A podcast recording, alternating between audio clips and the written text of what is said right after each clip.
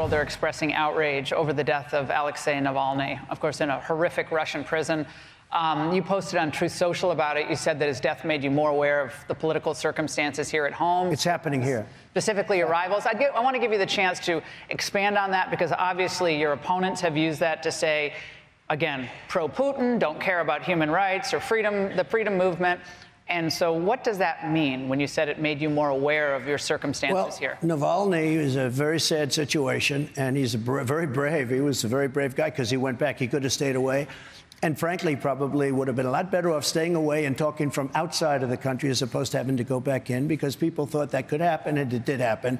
And it's a horrible thing. But it's happening in our country, too.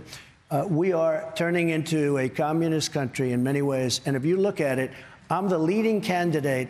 I got indicted. I never heard of being indicted before. I was going. To. I got indicted four times. I have eight or nine trials, all because of the fact that I'm. And you know this all because of the fact that I'm in politics. They indicted me on things that are so ridiculous. Uh, Fanny in Atlanta. All, all we'll get into people. that. We're going to get into that in a moment. But do you just? We're going to get into uh, my favorite um, DA in a moment. But uh, do you do you see yourself as a potential political prisoner in the United States because that's their goal is to put you in jail behind your bars, right, to the to the for the rest of your life. If I were losing in the polls, they wouldn't even be talking about me, and I wouldn't have had any legal fees. If you had retired from politics, would all these if cases... I were out, I think, although they hate me so much, I'm, i think if I got out, they'd still, let's pursue this guy. We can't stand this guy. Look, I won an election that wasn't supposed to be winnable. I then did much better the second time. I won't get into it, but I did because of Fox. But I, won, I did a much better job the second time. We got millions and millions of more votes the second time.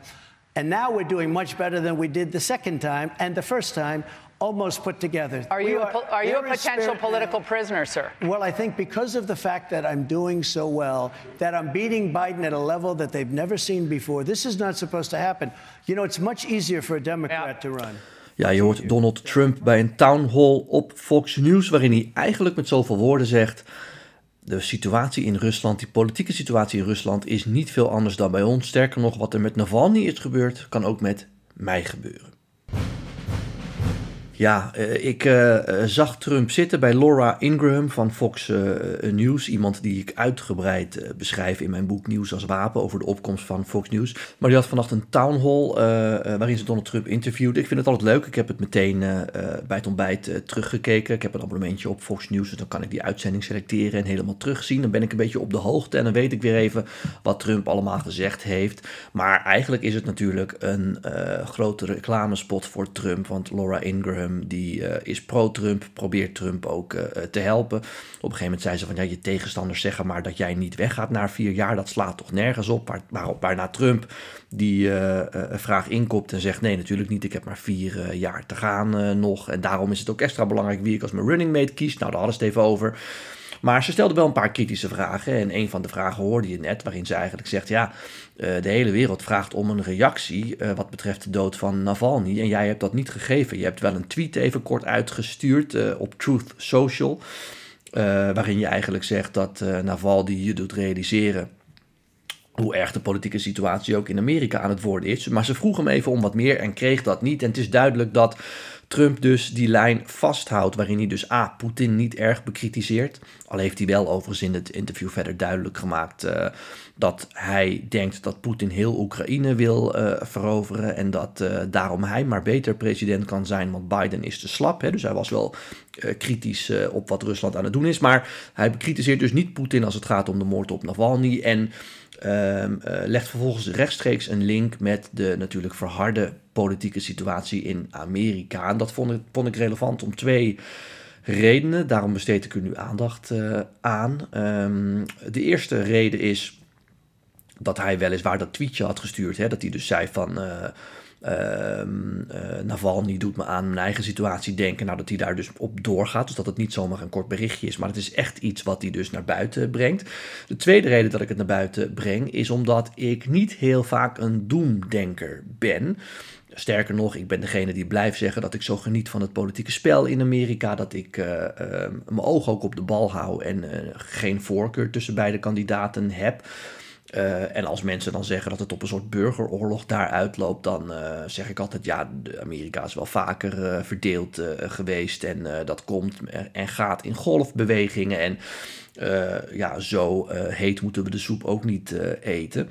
Ehm, ik zeg daar ook altijd bij dat ik dat niet altijd juist zie. Een bekende anekdote die ik vaak vertel, ook in mijn theatervoorstellingen, is dat ik op 6 januari 2021 thuis uh, op de bank zat, gebeld werd door een redacteur van Op1 was het. En die zei, denk je dat het uit de hand gaat lopen? En ik zei, joh, uh, er is bewaking ook bij het kapitool. Uh, maak je geen zorgen. Nou, een half uur later zat ik in de auto onderweg naar Hilversum, gedoucht en al. Om vervolgens een uur later op televisie uit te leggen waarom het daar zo mis kon gaan. Ja, ik zie het ook niet altijd goed. En dit zijn wel van die kleine dingen die ik eruit pik, hè, wat Trump nu zegt, waarbij ik denk van ja dit is dus een van die redenen waarom het in november best eens grimmig kan worden. Voor Trump is het natuurlijk erop of eronder. Jullie weten dat ik niet denk dat Trump de gevangenis ingaat. Dat kan niet. Die veroordelingen moeten dan heel snel plaatsvinden.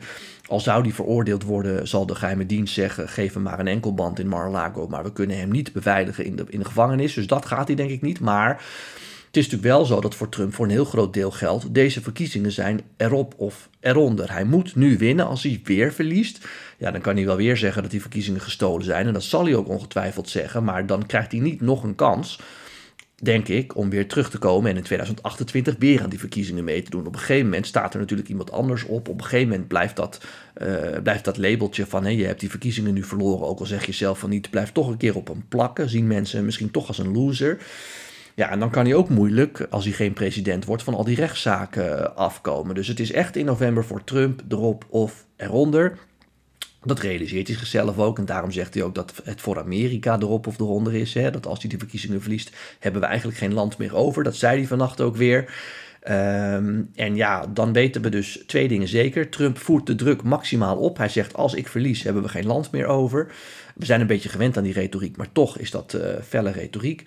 Hij zegt er meteen bij, uh, die vervolging uh, van Navalny, dat die arrestatie die er plaatsvond, uh, dat proberen ze met mij nu ook te doen. Ik voorzie misschien wel dat wat er met Navalny is gebeurd, dat er uiteindelijk een moord is gepleegd, dat ze dat met mij ook proberen. Nou, als hij die verkiezingen verliest, weten we dus ook zeker dat hij dat niet zal accepteren. Nou ja, dan denk ik, het kan in november nog wel eens grimmig worden. En daarom toch goed om bij zo'n uitspraak, ook al zijn we dat, uh, dat soort uitspraken van Trump gewend, om daar even uitgebreid bij stil uh, te staan. Want hoeveel zin ik ook in die verkiezingen heb. We hopen natuurlijk niet dat het in november ernstig uit de hand gaat lopen. En als dit soort retoriek de boventoon blijft voeren, dan zou dat toch zomaar kunnen. Goed, tot zover wat mij opviel in die town hall met Trump. Dan nu naar jullie vragen. Die hebben jullie ingestuurd weer via Twitter, Instagram en LinkedIn. Ja, allereerst kreeg ik veel leuke reacties op een Instagram-post die ik had geplaatst over een spelletje wat ik speelde. Als je denkt, hé, hey, waar gaat dit over? Ik zal het kort nog even uitleggen. Uh, toen ik nou ja, ik denk 15, 16 was, in 2004 uh, was het in ieder geval, uh, zag dat er een spelletje was, een, een, een CD-ROM toen nog, waar je zelf presidentskandidaat kan zijn, heb ik mijn vader dat uit Amerika laten meenemen. En dat spelletje dat heette The Political Machine. En toen, kun je George Bush, toen kon je George Bush spelen, of je kon John Kerry spelen, of een eigen kandidaat maken. En je kon dan zelf aan die verkiezingen meedoen. Dat was ontzettend geinig. Dan moet je al die, alle verschillende staten bezoeken. Je moet fundraisers houden, je moet hoofdkwartieren bouwen, je moet, nou wat is het, speeches geven. Je moet alles doen, hè, campagnespotjes draaien, om maar genoeg kiesmannen te verzamelen. Uh, en ik zag dat er in uh, mei, geloof ik, weer een nieuwe versie uitkomt. Niet de Political Machine 2004, maar de Political Machine 2024. Ja, ben je nou zo'n politieke junkie, is het misschien leuk om hem te downloaden. Dan kun je dat ook een keer spelen. Dan naar jullie vragen. Daar had ik er nog een aantal van staan. Allereerst van Bas. hey Raymond, de NOS kopt. Poetin spreekt voorkeur uit voor Biden. Hij is meer voorspelbaar. dat, dat deden ze op 15 februari. Uh, hoe past dit in lijn met de berichtgeving dat Trump de perfect target voor Moskou zou zijn? Nou, Bas, dat zou daar op zich best prima in uh, passen. Um, als Poetin namelijk zegt: Ik heb de voorkeur voor Biden, dan is dat een soort doodskus. Hè? Dat in Amerika zag ik ook een medium dat schreef: Het is een kiss of death. Dat, daar word je in Amerika niet populairder van. Dus wat dat betreft zou dat in lijn zijn met het feit dat er innige banden zouden zijn tussen Trump en Moskou natuurlijk. Ook omdat Poetin erbij zei, uh, en dat klopt ook wel, Biden is een meer voorspelbare politicus, want hij is een traditionele politicus, kun je zaken mee doen. En dat past weer in lijn met wat Trump vaak zegt, namelijk dat uh, hij helemaal niet geliefd is bij Poetin en trouwens ook niet bij de Chinezen, omdat hij juist zo onvoorspelbaar is. Um, dus dat, past, dat is eigenlijk prima in lijn uh, daarmee. Um, ik snap jouw punt wel. Poetin zou natuurlijk stiekem liever Trump willen hebben. Maar goed, nogmaals, het feit dat hij dan zegt: Ik heb liever Biden. Dat wil natuurlijk niet zeggen dat het ook echt zo is. En daarmee je moet je ook voorstellen als je hem om zou draaien. Stel dat Poetin zou zeggen: Ik wil liever Trump. Dat zou natuurlijk uh, voor Trump helemaal niet zo goed zijn. Dus dit is eigenlijk voor Trump beter. Ramon, pardon, Ramon die vraagt: Hoi Raymond, leuke en interessante podcast. Als Trump in hoger beroep ook wordt veroordeeld om dit enorme bedrag te betalen, kan hij dan zijn campagne nog wat doorzetten? Want ik begreep ook dat het enorm veel geld kost. En, en zijn geld zit toch meer in, in, in ontroerend goed dan pure cash. Groet Ramon. Uh, ja, dus eventjes, dit gaat over die veroordeling dat Trump uh, zijn vermogen zou hebben opgeblazen om hogere leningen te krijgen. Hè, en daarom moet hij nu zo'n 400 miljoen dollar betalen in New York. Nou, hij zal in hoger beroep gaan, uh, Ramon. Daar, daarvoor hoeft hij dat geld nog niet te betalen, maar hij moet het wel alvast ergens opzij zetten. Dus het gaat hem sowieso pijn doen. Hij moet dat geld wel nog gereserveerd ergens neerzetten. Um, nou ja, uh, uh, Trump betaalt zijn campagne natuurlijk niet zelf. Hè. Daar haalt hij geld voor op bij donoren. Dus op zich zijn er twee verschillende stromingen. Die campagne kan hij gewoon doorzetten, want die leunt op geld wat hij zelf ophaalt en geld wat de Republikeinse Partij op heeft gehaald en aan hem geeft. Dan heeft hij natuurlijk nog zijn privé geld. Het klopt wat jij ook zegt, er zit veel meer geld van hem in ontroerend goed dan in cash. Dus nou ja, als hij dit cash niet heeft liggen, en dat weet ik niet, maar stel dat hij het cash niet heeft liggen dan zal hij misschien uh, iets moeten verkopen, een, een, een, gebouw ergens of een golfresort of uh, dat ergens in onderpand moeten zetten of zo. Daar zal een creatieve oplossing voor gevonden moeten worden. Dan, Colin, uh, vraag je: hebben Amerikanen in het buitenland, net als bij ons, nog stemrecht voor de verkiezingen? En doen de campagneteams nog iets gericht op die groep, online of op een andere manier? Of is die te klein om echt impact te hebben? Nee, uh, Colin, uh, uh, daar doen ze. Die, die groep is niet te klein om impact te hebben. Die kan best impact hebben, want alle groepen in Amerika kunnen impact hebben, omdat die verkiezingen zo spannend zijn. Amerikanen in het buitenland hebben stemrecht. die kunnen ook stemmen, doen ze dan per post. en de campagneteams doen daar best wel wat voor. Soms wordt er wat geld inderdaad online gereserveerd om die in het buitenland te targeten. Via sociale media bijvoorbeeld. Het kan ook zijn dat er een soort uh, bijeenkomst wordt georganiseerd uh, in een hotel of misschien wel op de ambassade waar mensen naartoe kunnen komen. Uh, dat is dan meer om mensen te stimuleren om te gaan stemmen. Hè? Dus als jij een democraat naar, het, naar de ambassade stuurt en daar wordt een soort etentje georganiseerd of een soort informatiebijeenkomst, ja, dan weet je dat, dat, dat zijn democraten die gaan stemmen. Maar we willen wel zorgen dat ze gaan stemmen, dus daar wordt zeker ook een get out the vote gedaan.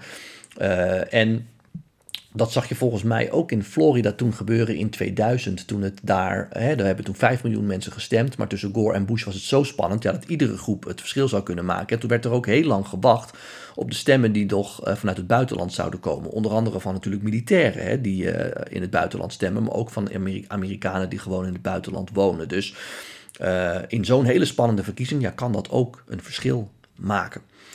Goed, tot zover weer. Uh, dank voor jullie vragen. Blijf die insturen. Kan dus via Twitter, Instagram en LinkedIn. Remelmens.nl vind je de laatste uh, updates wat betreft mijn theatervoorstelling. Daar kun je me in het echt vragen stellen. Hè? Dus hoe leuk is dat? En kun je nou niet wachten? Ja, blijf die, dus, blijf die vragen dan dus gewoon insturen voor de podcast. Want dan beantwoord ik die weer in een volgende aflevering. Tot zover, tot dan.